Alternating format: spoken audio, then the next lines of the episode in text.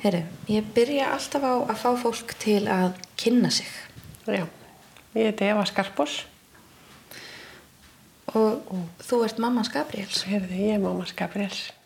Er þetta gamalt blík í baksíni speiklinum sem brotnaði þegar hún dó? Er þetta minningagreinum þá máðu ástan mann ekki og þó? Ég fekk hugmyndina að þessum þáttum, þáttum um minningargreinar árið 2018. Þá var Gabriel Jailon Skarpos Kölver en þá lífi. Ég þekkt hann ekki en miða við það sem mér er sagt var hann eiginlega bara á toppi tilvörunar ef eitthvað á þessum tíma. En svo fór að halla undan fæti. Þann 22. november 2019 sendi mamma mín mér minningargreinina hans. Hún sagði, þú þart að lesa þetta. Elsku strákurinn minn, loksins get ég sett mig í spórin þín.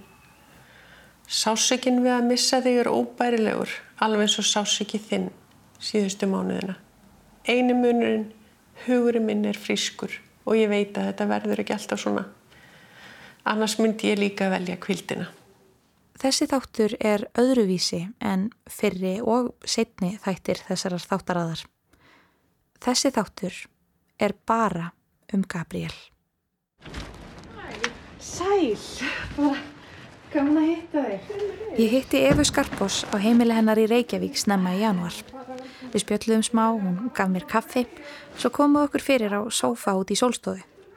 Á borðinu fyrir framann okkur voru úrklippur, aragrúi af myndum og sálmaskrá. Framann á sálmaskráni var mynd af gullfallegum ungum manni.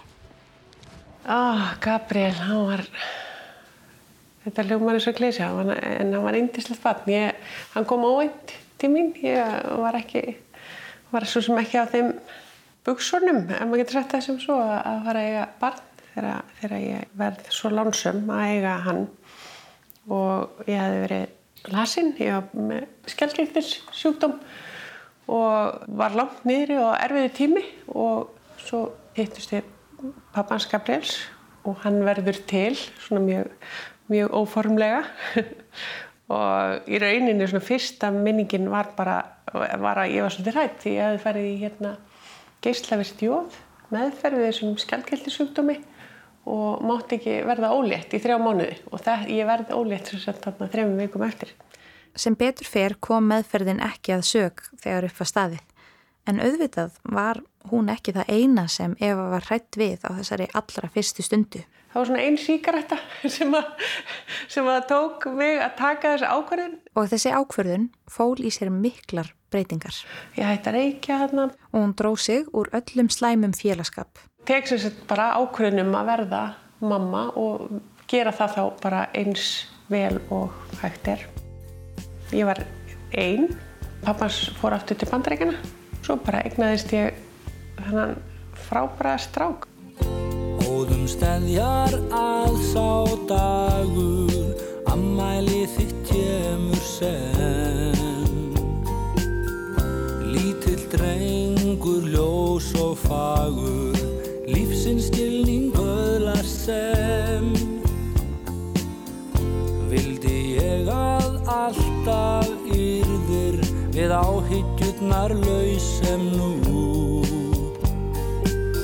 En allt fer hér á eina veginn Í áttilfóldar mjakast þú Fyrstu árin voru undursamleg. Gabriel og Eva voru eitt. Hún sá ekki sólina fyrir honum.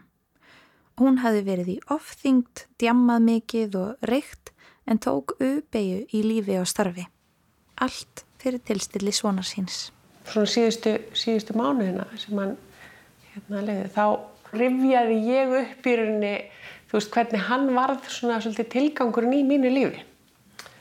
Og þegar við vorum svona að reyna, eða ég var að reyna að höfða til hans, hvernig hann geti fundið sinn, tilgang. Var, það var mjög átakanlegt, því að hann var, svo, hann var mikið veikur og minning sem að alveg skeri hjartað er að þegar við erum einhvern tíman að tala saman að að þá segir hann mamma kannski, kannski var það bara tilgangur minn að gera þig glada þegar ég var lítill. Nei Gabriel það, það var ekki tilgangur þinn. Þú, þú gerðir það en, en, en, en það er eitthvað annað sem er þinn tilgangur en þá var hann mjög lasinn. Mama look at my life. Engin veit sína æfi fyrir en öll er. This is a lonely journey. Og þó svo að Mart hafi unnið með Gabriel Mama let's try it another time Cause I can't carry on right now. Voru önnur öll sem unnu gegn honum. Mama hear you cry. All this anger I'll put aside. My tears I know won't beat the rivers in your eyes. And with all my love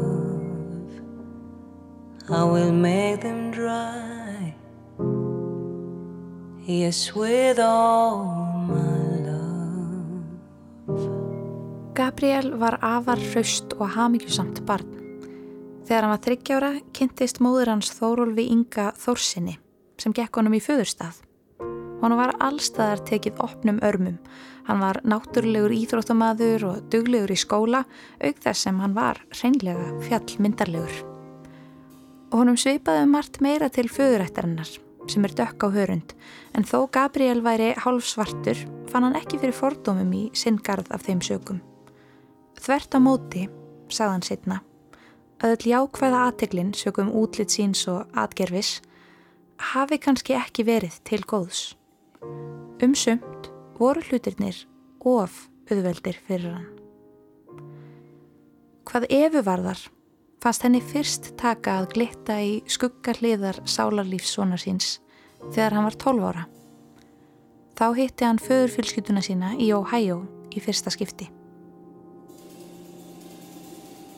Epiphany sways and waits þetta var svona í rauninni kannski fyrsta kjaftsökið hans í lífinu. Ég held það að hérna, ég megi bara segja það hreint út að í kjölfar þessara ferðar að þá upplifir hann bara svik á svikofan og brostinn lofvorð svona fyrsta árið þá getur hann talað um það við okkur og hann er þá komin í sambandi við pappa sinna á Facebook og eftir fyrsta árið þá lokar ná að tala um þetta.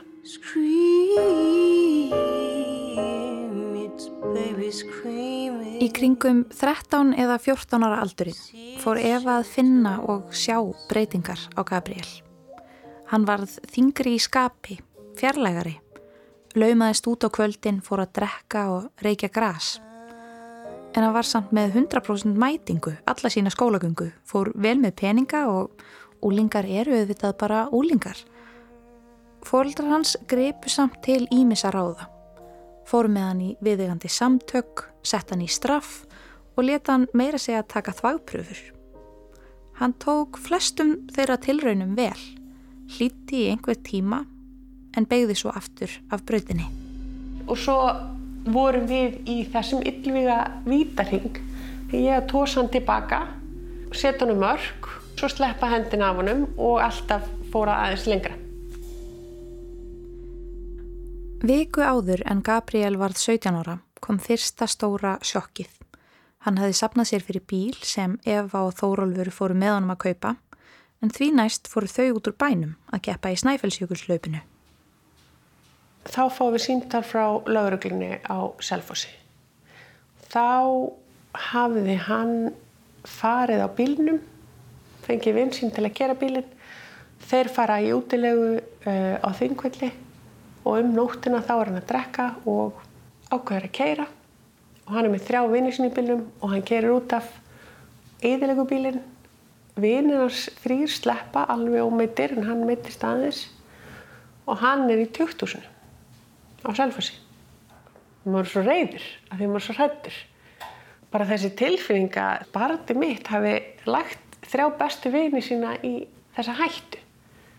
Það var svona það sterkasta og svo líka þetta, þú veist,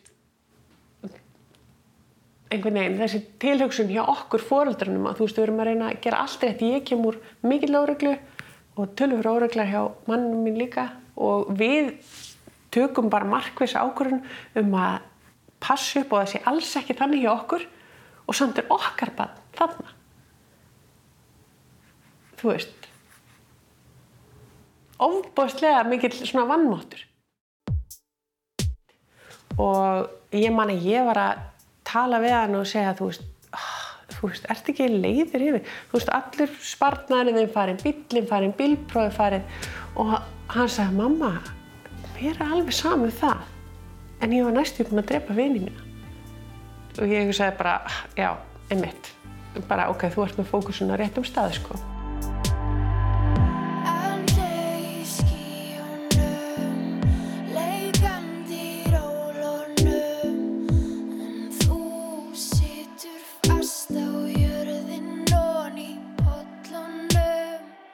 Gabriel frestaði sumarvinninni, fór með fjölskyldunum til Norex og 17 ára ammálstægin vildi hann bara vera með mömmu sinni.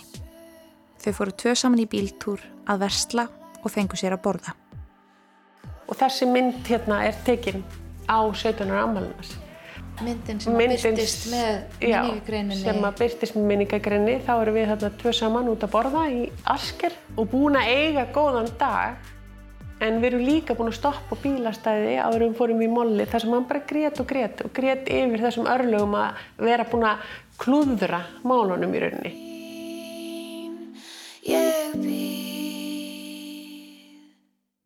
Tíminn leið með einhverjum uppákomum þó minni væru en svo fannst Efu hún skinja krossgötur hjá sinni sínum. Svo kemur hann tíminn og segir mamma ég, á, hérna, kærustu. Hann kynnist bara ástinni í lífi sínu þarna, í MS og hún er ári yngri og heitir Elisabeth og hann sýnir með myndir af henni og, og kemur með henni heim og hún er frábær. Og hún er í yng- yngri óreglu. Og þau hlæja saman og hafa það gaman saman og þau voru eitthvað hérna en mikið heima hjá henni. Ég var náttúrulega bara satt best að segja svolítið fegin sko að losna, þetta búið að vera mjög erfitt með hann þannig að ég er bara svona á æðislegt, hann er búin að finna stað ég þekkti aðeins til fjölskylduna hennar og þau tók honum opnum örmum ég hugsa bara já, hann er bara komin í örygga höfn Næsta ár var eins og draumur fyrir Efu, þar til einn daginn. Þegar Gabriel kom heim og ljóstraði því upp að Elisabeth hafði sett honum stólinn fyrir dyrnar. Hann yrði að hætta að drekka. Elisabeth sagði ég þurfti að segja þér allt. Annars ætlar hún ekki að taka mig aftur og ég hugsaði þessi stelpa, ó, þú veist hún er æði.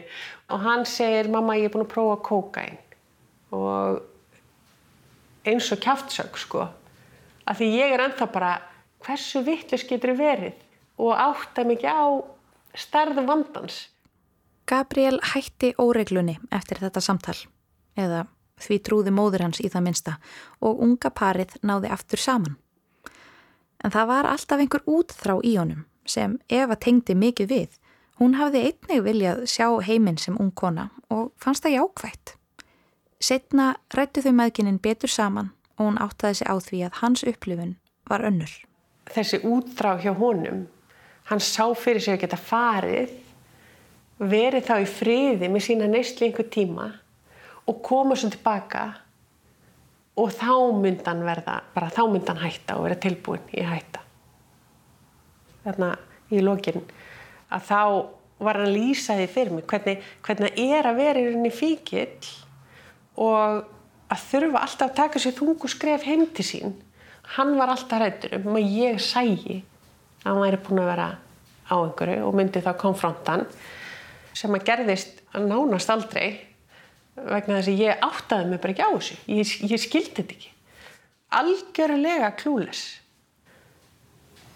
þú veist, ég bara finn svo til með hann að hafa, þetta hafi þurft að vera þannig sko og ég skil það Í februar 2019 urðu kaplaskil. Gabriel hafði ekki heyrt í blóðföður sínum lengi og sló honum upp á Google. Þá komi ljós að hann var í fangelsi fyrir alvarlega glæpi. Eva og Elisabeth reyndu að ræða við Gabriel um málið. Kanski þyrst hann hjálp til að vinna úr þessum upplýsingum. En Gabriel hristi allar slíkar hugmyndir af sér. Setna saðan móður sinni að honum liði eins og kannski hefðan ert eitthvað myrkur frá pappa sínum. Sindir feðrana. Í öllu falli þá liðu nokkrar vikur og þá tók hann ákverðun sem Eva segir að hafi verið versta ákverðun lífs hans. Hann er búin að fá nokkra svona fyrirsættisamlinga, fekk stórt verkefni fyrir smáralind, myndir á hann út um allt og einhverja bæklinga erlendis og, og gengur vel í þessu og er með Instagram. Ég er ekki á Instagram nema bara með einhverja þrjár myndir, þú veist, ekkert að fylgjast með þar. Þannig ég er rauninni áttaði með ekkert að þessum heimi, sko. Jú, ég sá alveg ef hann postaði einn mynd en ég bara vissi ekki eins og hvað Instagram story var fyrir bara fyrir stuttu síðan, sko það sem að gerist og ég veit núna er að hann verður svona rosa uppnuminn af þessari aðdegli og Instagram og fyrir eitthvað að spá einhverja followera og eitthvað. Og hann kynnist Instagram stjörnu frá Japan. Eins og ég skildi það, þá hefur hún sambandið hann og þau fara eitthvað að tala saman og verði eitthvað, þetta, hún finnst þetta ekki ekki spennandi og hann tekur ákvörðunum um að fara úr sambandinu sinu og verða Instagram stjarn Sett stefnum, ég sigli yfir Þetta grýpir lifin og ég missi viti En ég bótti svo fyrir liði Rúli við svæðið eins og kvirfin bíl Og það sem ég lifi fyrir ekki að sitja inni Svo minn arka minn og þetta regni silfri Gleði tík sem ég ætla að komast inn í Þann 3. júni 2019 byrtist frétt á vef útvarps 101 með fyrirsögninni Gabriel flytur til Japan í faðum Instagram stjórnu. Þar stóð Hinn tvítugi Gabriel Jalon Skarpos Kölver, oft kallar Kölverinn, kynntist japanskri Instagram-stjörnu fyrir tæpum tveimur mánuðum. Hann eldi ástina til Japan og lifi nú drauminn. Gabriel rætti þessa ákverðun við útvarstöðina. Sagði sambandið hafa hafist með saklausu followi en að viku síðar hafa hann verið búinn að panta flug. Þau hafi talað saman daglega á FaceTime í mánuð áður en hann fór út og því hafa hann ekkert verið stressaður. Greinin hefur verið fjarlægð af VF útvarps 101.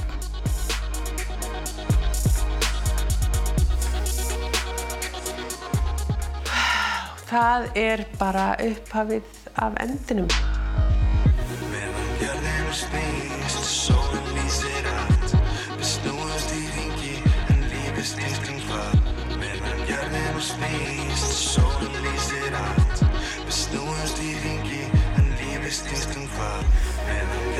Snýst Sólinn lýsir allt Við snúast í ringi En lífið snýst um hvað Meðan jörðinu snýst Sólinn lýsir allt Við snúast í ringi En lífið snýst um hvað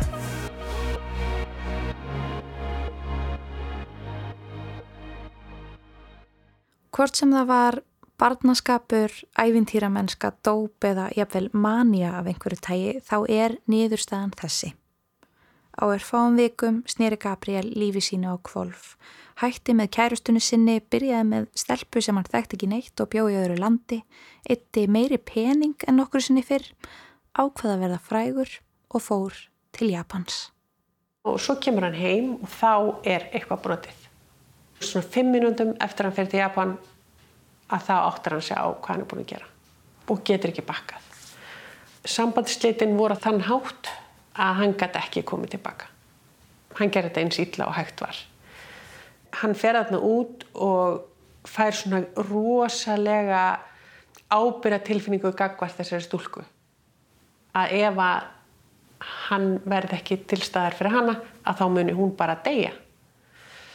Hann hugsaði ekki um neitt nema fyrir hann til kæristunum sín.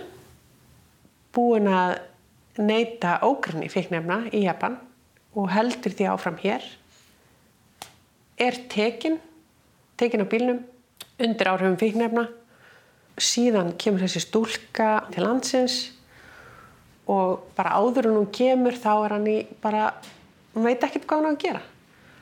Hún kemur og er hérna í einhverja viku og það er bara rosalega erfitt. Hann er að reyna að vera svona eitthvað fyrir hann veist og, og er svona upplifið sér sem alveg glataðan því að hún vill að hann reyma á sér skóna og því hann er svo langa neglur og hún er alltaf óanaða því hann er ekki að taka myndir að þeim og setja Instagram og meðan hann er í þeirri stöðu að hann vill ekki einu svona fara út af því hann skammast sín svo fyrir hvert hann er komin og allt þetta klúður.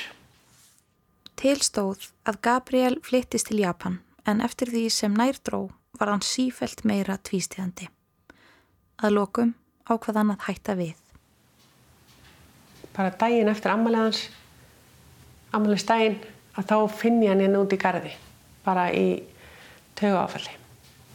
Og hann bara grætur og, og öskrar og, og þetta var meðan dag, hann búinn að ringja mig. Og þá hafði þessi stúlka hótað að fremja sjálfsvig á Instagram live og hann er með síman og hann heldur símanum og rétti með síman og bara mamma ég get ekki, ég get ekki þú veist ég er búin að drepa hana ég er búin að, þú veist hún er að fara að drepa sig, ég segi Gabriel, þú veist það er ekki að fara að gerast veist, það, það, ég er að reyna að höfða til hans að þú veist, ef að fólk er að hóta svona, það er nú sennilega þú veist, en samt veit ég ekki þú veist, þetta hefur alveg gerst. Og hann segir mér hún sé búin að skera sig og hafi sínt honum myndra því og ég held hérna utanum hann í einhverja, einhverja tvo tíma og ég ringi hana, ég er eitthvað að reyna að róa hana niður. Og hún er í lægi sem sagt og í framhaldinu það bara þarna það ákvæðan hætti allir í neyslu. Og hann var bara, hann var svo hrættur og hann var bara svo örfinglaður og bara fannst hann hafa verið svo vondur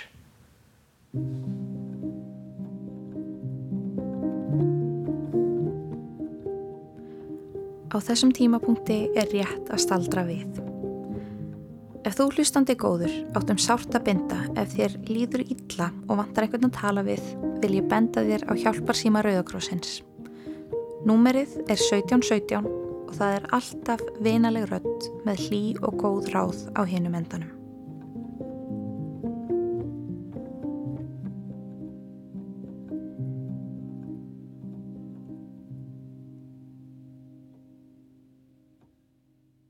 Ég um hann í frákvörum í svona tíu daga og hann svaf bara upp í hjá mér. Þú veist, ég var bara vakt yfir honum og skiptum á rúmunum og þú veist, þess að þessi svona nóttu og hann bara skalf og gret og ég er ennþá held að hann sé bara í gras frákvörum. Ég veit ekki neitt. Svo erum við mitt fjölskyldan að fara til Noregs aftur og deginum áður þá er hann búin að vera í frákvörum í kannski svona átta daga eða eitthvað. Og ég segi bara, þú veist ég sé að ég get ekki skilað hann eftir. Þannig ég kefti bara flug með að fyrir hann með okkur. Bara alltaf hræðilegum stað í þessari ferð og við erum að reyna að taka eitt dag í einu og eitt skrif í einu og maður finnur að hann svona steipis niður í þunglindi og hann svona búið að vera nokkri góði dagar, þú veist það er strand og við erum að synda og hérna eitthvað. Þá fær hann SMS frá lauruglunni að hann sé búin að missa prófið í tvö ár og segt og þá er hans veruleiki orðin sá að hann er búin að missa kærustuna sína. Hann er búin að missa bílprófið í tvö ár. Að því hann missi bílprófið þá getur hann ekki unni vinnuna sína lengur. Og hann er búin að missa, þú finnst honum æruna og þegar við komum aftur heim frá Noregi þá bara vill hann ekki fara út úr húsi og hann er bara hérna, hann bara grætur og grætur og grætur. Eva leitaði allra mögulegra ráða. Gabriel fegst til að fara í einn sálfræði tíma en fann sig ekki. Hann fegst til að fara í viðtal upp á geðdeild einu sinni en aldrei aftur. Ofan á allt sem hann hafði mist, gat hann ekki sofið, gat ekki hugsað. Honum fannst eins og hann hefði eigðilegt á sér hausinn. Efi tókst þú að fá hann með sér út að hlaupa og á einu skokkinu hlupuðu þau fram hjá íþróttaveruverslun sem Eva hafði séð auglýsa eftir starfskrafti. Gabriel fór inn, fekk viðtal og svo vinnuna. En honum leið hræðilega. Hann vildi ekki vera á meðal fólks. Hann vildi ekki sjást. Ætla sér ekki loka ágústa. Þá er hann bara ferin í vinnuna, grátandi. Vinnur sinn dag, mætir alltaf á réttum tíma. Kemur heim og er bara hérna í fósturstellingunni. Sefur upp í hjá mér, flesta nætur. Og ef hann er ekki þar, þá er ég ekki að sofa sko. Þú veist, þá er ég bara að fylgjast með honum. Og við erum alltaf orðin bara bæði örmagna af þreytu sko. Svo ringir hann í mig og hann segir mamma, ég bara, hæ mamma, ég elska þig. Og ég bara, hæ Gabriel, ég elska þig líka, er eitthvað annað? Þú veist, hvað, hvað er í gangi? Nei, ég ætla bara að ringja og segja ég elska þig og ég bara ég fæ í magan.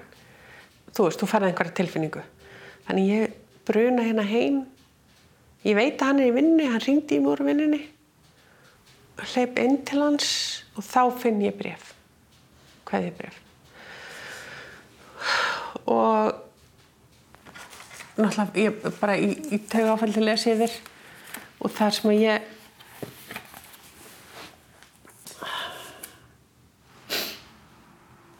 og ég ég ringi í neyðalínuna og til að vita hvað ég gera og hérna og þau segja bara þú er að fara þú veist, farðu bara strax til hans og ég ringi pappans sem að næri í mig. Og ég ringi líka í Péta með ég er að býða eftir pappans og segi þeim og þau reyna að fá okkur ráð.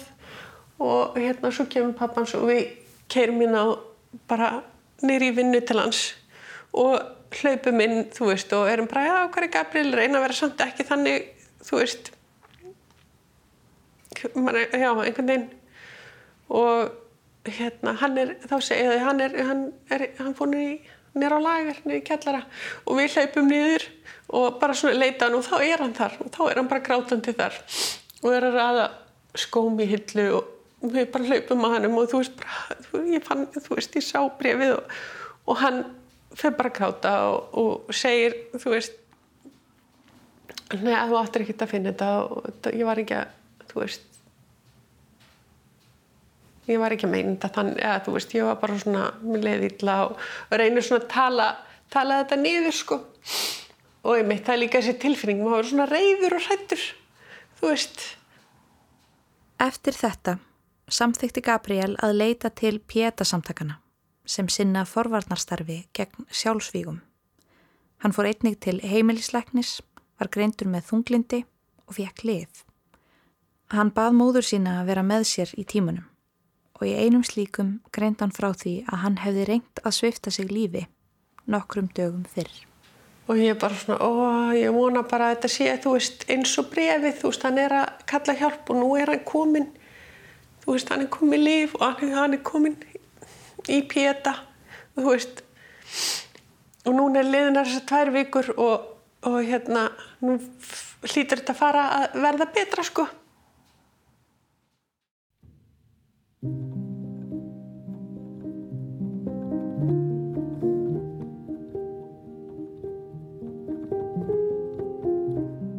Við þurfum ekki að vita hvernig.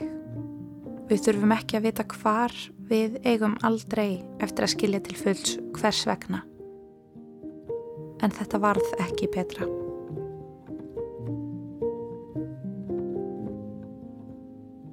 Gabriel Jaylon Skarpos Kölver lést 9. november 2019, 21 árs aðaldri.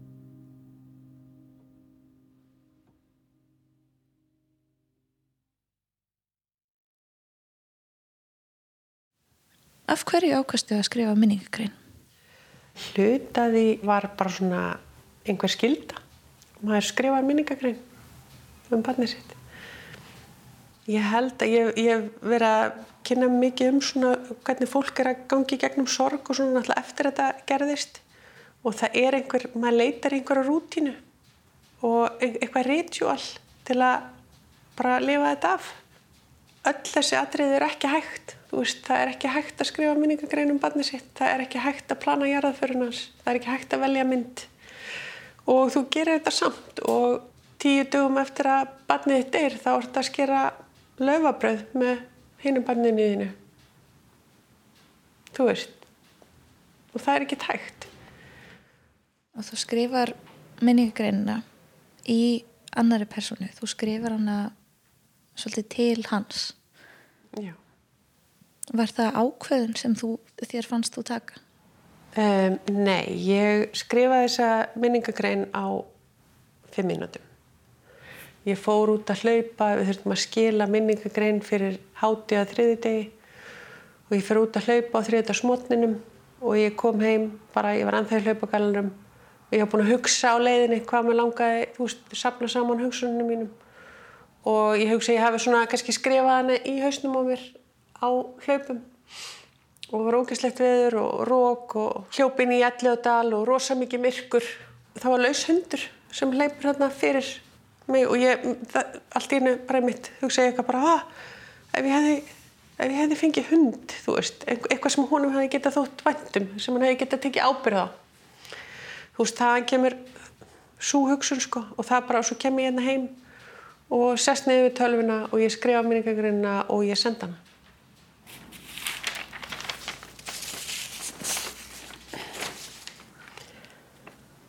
Elsku strákurinn minn, loksins get ég sett mig í spórin þín. Sásökinn við að missa þig er óbærilegur, alveg eins og sásökið þinn síðustu mánuðina. Einu munurinn, hugurinn minn er frískur og ég veit að þetta verður ekki alltaf svona. Annars myndi ég líka velja kvildina. Í örvendingunni leita ég að táknum og rökum til að komast í gegnum það sem er ekki hægt að komast í gegnum. Þegar ég var aðeins eldri en þú og á svo vondum stað í lífinu komstu til mín og breytir öllu. Krossgöturna mínar, tilgangurinn sem ég vantaði til að halda áfram, hamingjan holdi klætt, svo pínulítill í faðminum á mér. Elsku fallegi strákurinn minn, þá vorum við bara tvö í litlu íbúðinu minni. Áttum ekkert og það skipti ekki máli því að þarna skildi ég lindamálið að lífsaminginni. Og þó að ég sé svo óendanlega sorgmætt núna, þá er ég samt glöð og þakklátt. Við vorum svo lánsum, við fundum pappaðinn og við fundum vini og vorum elskuð og elskuðum. Ég og þú áttum bara hvort annað og eignumst svo allan heiminn.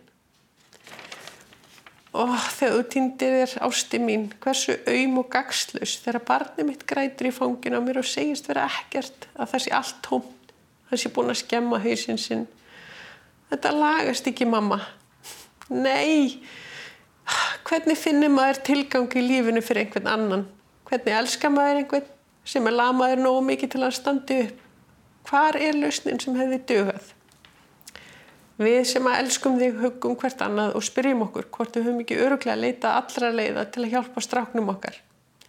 Endalus ást, knús, hugreistingar, rögræður, íta, toga, gráta, öskra og skamma, læknar, lif, píeta.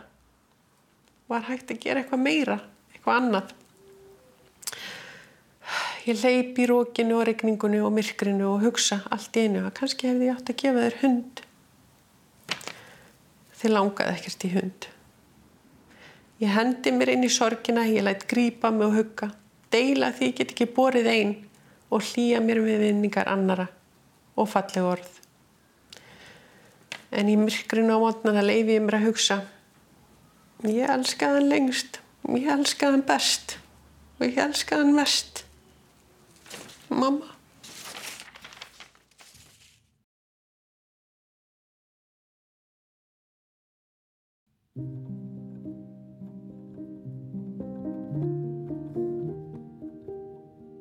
Það að skrifa þessa grein, er það eitthvað sem að þér finnst þú gera fyrir þig, fyrir hann, fólkið sem les?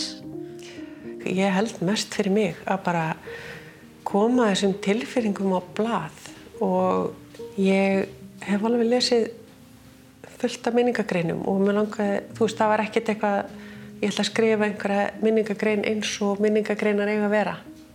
Þetta er bara óbúslega rátt. Þetta er bara svona, ég ætla að minnast svona míns og svona líði mér. Uh, á tímabili uh, skrifaði ég líka til hans.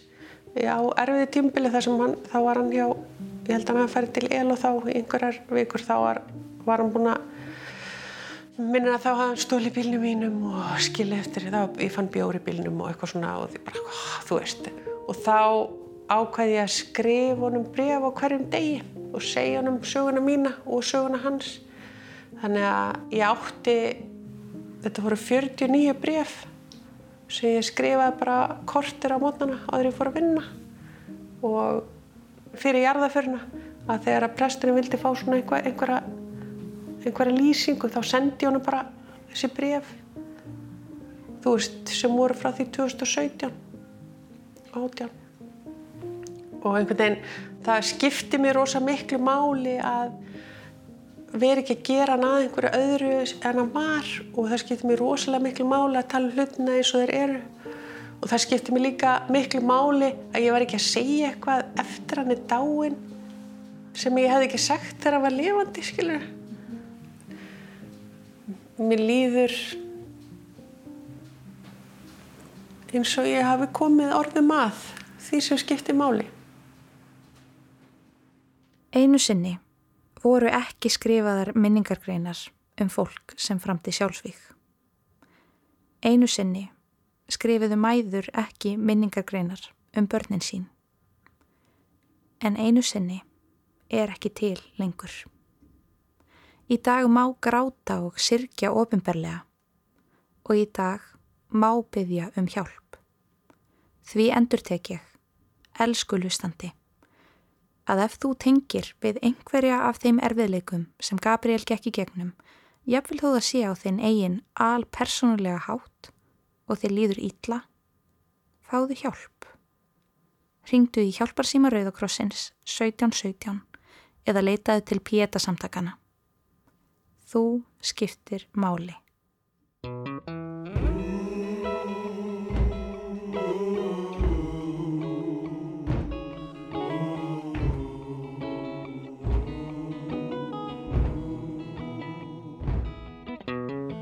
Í næsta þætti flytjum við fókusinn aftur í stóra samhengið og höldum áfram að kynna okkur minningargreinar, stöðu þeirra á stefnu og kíkjum í heimsók á morgumblaðið.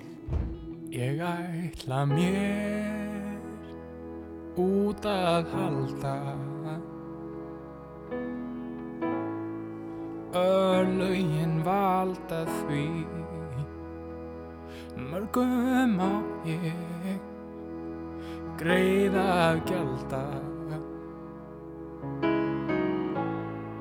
Það er gömur sag og ný Guð eitt mitt. Hvert leið mín liggur. Lífið svo flókið er. Oft ég er í hjarta hryggur.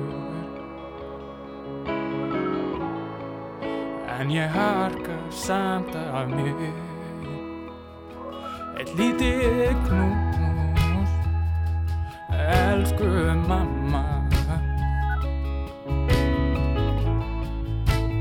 Áður en ég fyrir Nú er ég komin til að hverja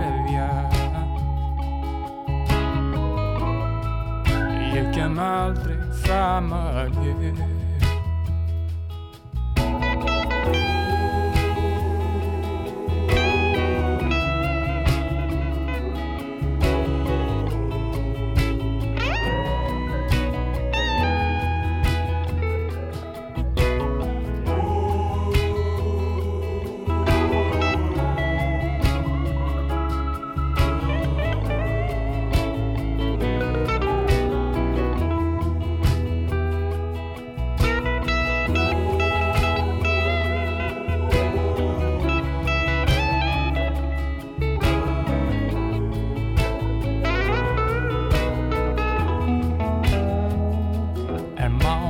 ljósi fegrar fjöllin. Ég feta veginn mig Þar opnar drauma höllin og dregur mig þar við Ég þakkir sendi sendi öllum. Þetta er hverjan mín. Ég mun ganga á þessum vegi. Uns lífsins dagur því Já, ég mun ganga á þessum vegi Since I would be.